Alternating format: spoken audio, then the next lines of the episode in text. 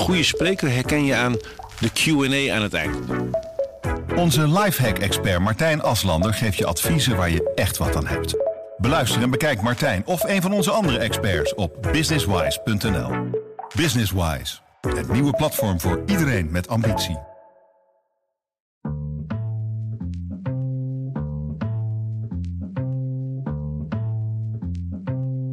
Maar we weten wel steeds meer.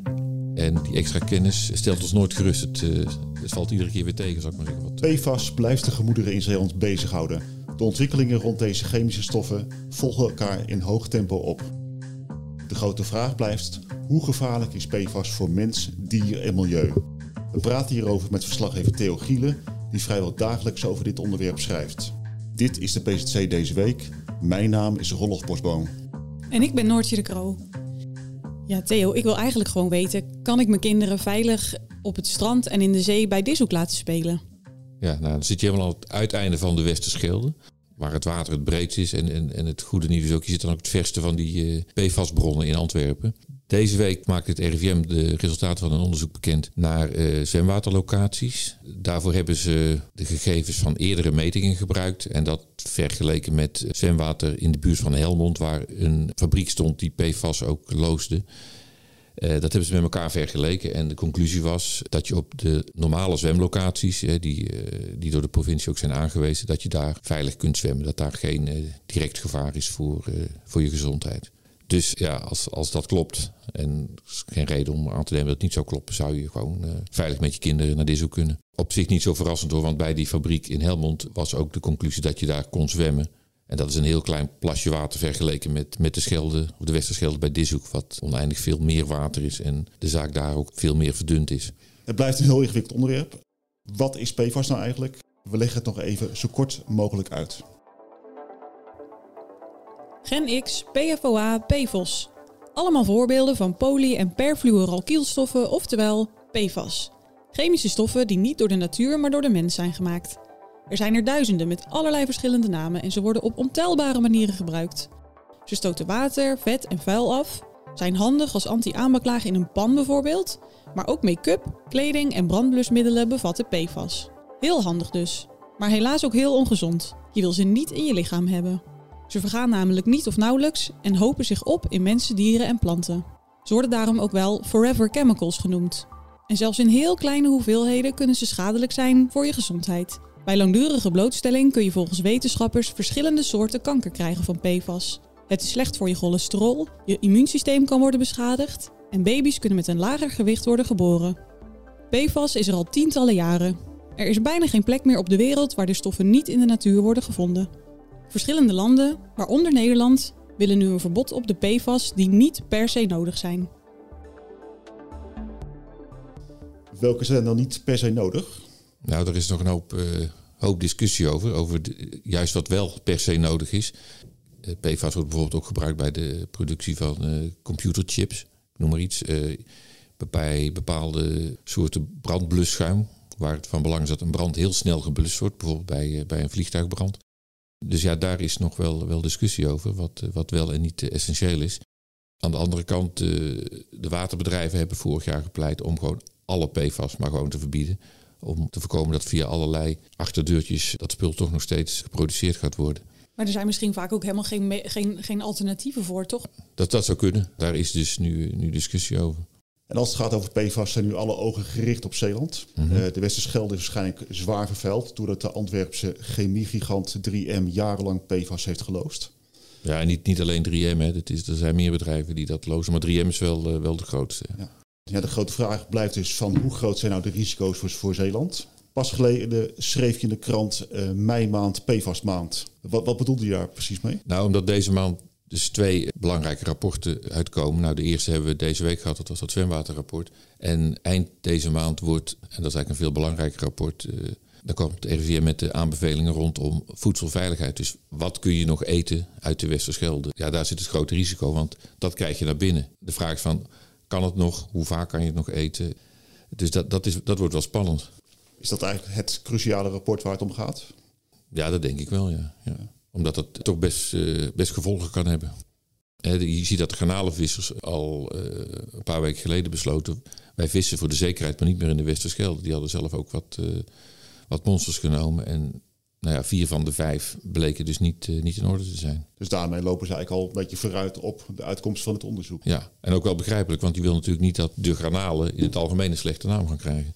En wat verwacht jij van die uitkomsten? Heb je daar al een beeld bij of is het voor jou ook volledig gissen? Nou het, het RIVM heeft al een, een, een kleine uh, voorproefje gegeven. Ze zei van als je één vis eet, dan zit je eigenlijk aan je, aan je jaarlijkse limiet qua PFAS. Nou ja, het is, het is eigenlijk nog veel erger. Iedereen krijgt sowieso al te veel van het spul binnen in Nederland. Of je nou uh, vis eet of niet. Alleen het is een optelsom van, van kleine beetjes en op een gegeven moment zit je aan je limiet. Nou ja, vorig jaar sloeg het RIVM wat dat betreft ook al alarm. Ja, dat elke Nederlander al te veel van dat spul uh, binnenkrijgt. Het staat dus eigenlijk helemaal los van alle onderzoeken die er nu gedaan worden. Is toch eigenlijk al bekend dat we allemaal al die stoffen in ons lijf hebben zitten? Ja, ja maar je wil niet uh, dat er onnodig nog meer binnenkomt. Kijk, het zit ook in drinkwater. Ja, dat, dat is uh, niet te vermijden, zal ik maar zeggen. Maar als je weet dat een vis uit de Westerschelde, dat er gewoon te veel in zit, ja, dat kun je dan vermijden. Dat is dan een advies wat, uh, wat wel zin heeft. En het onderzoek moet eind deze maand worden gepresenteerd, zei je? Ja. Dan hebben we dus de uitkomsten van twee belangrijke onderzoeken, zwemwaterlocaties, maar vooral dit onderzoek van het RIVM. Mm -hmm. Wat is de volgende stap? Ja, belangrijk is dat je mensen dus advies geeft en dat je weet wat, wat je uh, kan doen om, uh, om te voorkomen dat je te veel van dat spul binnenkrijgt. Dat, dat is denk ik het belangrijkste. Hebben ook veel mensen op zitten te wachten. Fijn Noordje vroeg ook niet voor niks van, uh, kan ik met mijn kinderen naar het strand? En tegelijkertijd heeft iedereen het over, moeten we een groot bevolkingsonderzoek houden in Zeeland? Zijn de uitkomsten van die, deze onderzoeken bepalend voor het houden van een dergelijk onderzoek? Nou, de druk vanuit de gemeente is wel heel erg om, om dat bevolkingsonderzoek sowieso te houden. De druk op wie? Op de GGD, want de GGD zou dat moeten uitvoeren. Hè? Dat vroeg ik me af, van wie ja. bepaalt het nou eigenlijk of dat bevolkingsonderzoek er moet komen? Uiteindelijk kan de GGD dat gaan doen en de GGD is weer van de gemeente. Nou ja, uiteindelijk zijn het de gemeenten die het, die het beslissen en die willen het heel graag. Alleen de deskundigen bij de GGD zeggen van ja, we willen eerst die uitkomst van het onderzoek weten, zodat we kunnen zien bij welke mensen is het zinnig om een bevolkingsonderzoek te houden. Je kan wel iedereen gaan onderzoeken, maar ik denk dat ze een wat gerichter te werk willen gaan. Ja, maar ik zou het zelf wel willen weten eigenlijk. Ja, ja maar de vraag is ook, uh, wat schiet je ermee op met die kennis? Hè? Als iemand te veel cholesterol uh, in zijn bloed heeft, kun je hem een pilletje geven en dan, dan zakt het. Voor PFAS geldt het niet. Wat denk jij Theo, krijg ik binnenkort een uitnodiging voor het bevolkingsonderzoek of niet? Ja, waar woon je? Middelburg. Ik denk dat ze, als zo'n bevolkingsonderzoek komt, en dan kijk ik ook een beetje wat er in België is gebeurd, dat dat vooral zal zijn in het oostelijk deel van de provincie. Dus mensen die het dichtst bij, bij Antwerpen wonen, om het zo maar te zeggen. Maar het kan, kan ook best zijn dat, dat jij ook een uitnodiging krijgt om het te vergelijken met, met mensen die daar wonen. Want zo'n bevolkingsonderzoek, dat is een bloedonderzoek, hè? Je moet bloed afgeven en dan gaan ja, ze dat, dat beoordelen. Ja, dat hebben ze in België gedaan. Ja. Daar zijn ze nog volop mee bezig trouwens, want er is nu ook een discussie of dat niet in heel Antwerpen moet gebeuren, omdat ja, die, die stad ligt let, letterlijk onder de rook van, uh, van 3M en uh, Indaver, een uh, afvalverwerker die ook PFAS uitstoot. En het verspreidt zich niet alleen via het water, ook via de lucht. Ja, ja dat klopt. Dat klopt. Dat hebben ze ook in, in, in Dordrecht bij Geemoers. Dat is ook een bedrijf wat PFAS gebruikt. Hebben ze dat vastgesteld. Als het onderzoek er komt, moet je dan echt aan een grootschalig onderzoek denken? Of... Ja, dat weet, dat weet ik niet. Nee. Kijk, in, in België is het behoorlijk grootschalig aan het worden. Dan heb je het over tienduizenden mensen. Maar dan heb je het ook over mensen die echt pal naast zo'n fabriek wonen, bij wijze van spreken. Het is een, daar veel dicht bevolkter rondom die fabriek dan, uh, dan in Zeeland. Gezien de windrichting is de kans dat je dat via de lucht, zal ik maar zeggen, binnenkrijgt ook groter. Hoe zeeuws is het probleem nou eigenlijk? Nou, ik zei al, in Dordrecht uh, staat een fabriek die PFAS-soorten gebruikt. Ik noemde al die fabriek in, uh, in Helmond, die ja. dat, uh, waar dat ook heeft gespeeld. dus het is geen uniek Zeeuws probleem. Alleen het speelt wel heel erg in, in Zeeland. Dat merkte minister Harbus, die afgelopen week hier op bezoek was, ook op van... ja, het is inderdaad geen Zeeuws probleem, maar mensen maken zich hier wel heel erg druk om. Dus, dus je moet er echt wel wat mee. En die zorgen zijn ook, ook terecht, denk ik. Eigenlijk gaat het om een wereldwijde kwestie die ja. op verschillende plaatsen extra speelt. Ja. En we weten eigenlijk nog heel weinig over PFAS, naar mijn idee. Dat zei een van die deskundigen uh, een tijdje geleden ook toen er een, een bijeenkomst was voor provinciale staten. Toen werd exact die vraag ook gesteld. En zei van ja, maar we weten wel steeds meer. En die extra kennis stelt ons nooit gerust. Het, uh, het valt iedere keer weer tegen, zou ik maar zeggen, wat er, uh, wat er uitkomt. Maak je jezelf zorgen? Nou ja, je gaat toch heel anders tegen hele gewone dingen aankijken. Een, een pannetje of, of zelfs water uit de kraan. Want ook daar zit te veel PFAS in, bleek uit het onderzoek van het RIVM. Hoe moet het dan zijn voor iemand die wel in de Westerschelde zwemt en, en al jarenlang vis heeft gegeten? Ja, dan, dan snap ik wel dat je daar echt, uh, echt grote zorgen over maakt. Ja, want zelfs ik krijg al te veel PFAS binnen, net als elke andere Nederlander. Maar ja, je wordt er niet uh, direct ziek van. Het is een heel sluipend proces en dat is eigenlijk, uh, eigenlijk de valkuil die, die PFAS is. Het is een onzichtbare vijand eigenlijk. Kijk, als, als die onzichtbaar is en je wordt er meteen ziek van... Ja, dan, dan maak je je zorgen. Hè? Als, als, als mensen die een rondje langs de Westerschelde hebben gelopen... of een stukje hebben gezwommen ineens neervallen... Ja, dan, dan denk je van, oh, hier is iets aan de hand. Maar het is, het is onzichtbaar en sluipend. Maar is het nou ook niet zoiets van, we staan erbij en we kijken ernaar? Want wat je zegt, het is al jarenlang bekend. De uitkomst van de onderzoeken weten we nog niet precies. Maar dat het eigenlijk niet gezond is, dat is wel duidelijk. Mm Alles gaat gewoon door. Ja, uh, ja. Ja dat, klopt ook wel. We weten al, eigenlijk al tientallen jaren hoe ongezond dit, uh, dit spul is. We weten al zeker twintig jaar dat het in flinke hoeveelheden in de Westerschelde geloosd werd uh, vanuit Antwerpen.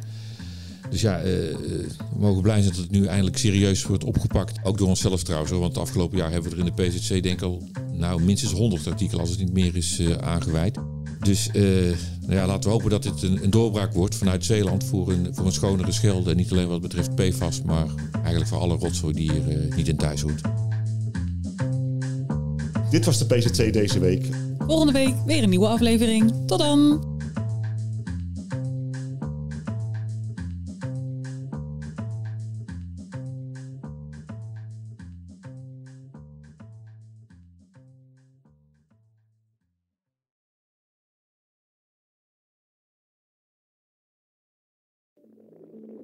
Ik denk dat je een soort van tweespalt had tussen de mensen die ons cool vonden en de mensen die het cool vonden om ons te haten. Maar ik kan me nog levendig de eerste vier tellen herinneren. Dat ik heel goed besefte zo van met deze tikken bepaal ik volgens mij wel een toekomst. Kijk, als we dingen heel anders hadden gedaan, dan was dit niet gebeurd. Als we ooit klaar zijn en ik moet uh, de, de, de vijf hoogtepunten van onze carrière noemen, is dit er één van. 30 jaar bluff. De verhalen die je nog niet kent. Aan de hand van 10 songs. Dit is de podcast 30 jaar bluff. Waaraan we verdwijnen. Met Peter, Bas, Norman en Pascal. Nu in elke podcast-app. Een goede spreker herken je aan de QA aan het eind. Onze lifehack-expert Martijn Aslander geeft je adviezen waar je echt wat aan hebt. Beluister en bekijk Martijn of een van onze andere experts op businesswise.nl. Businesswise, het nieuwe platform voor iedereen met ambitie.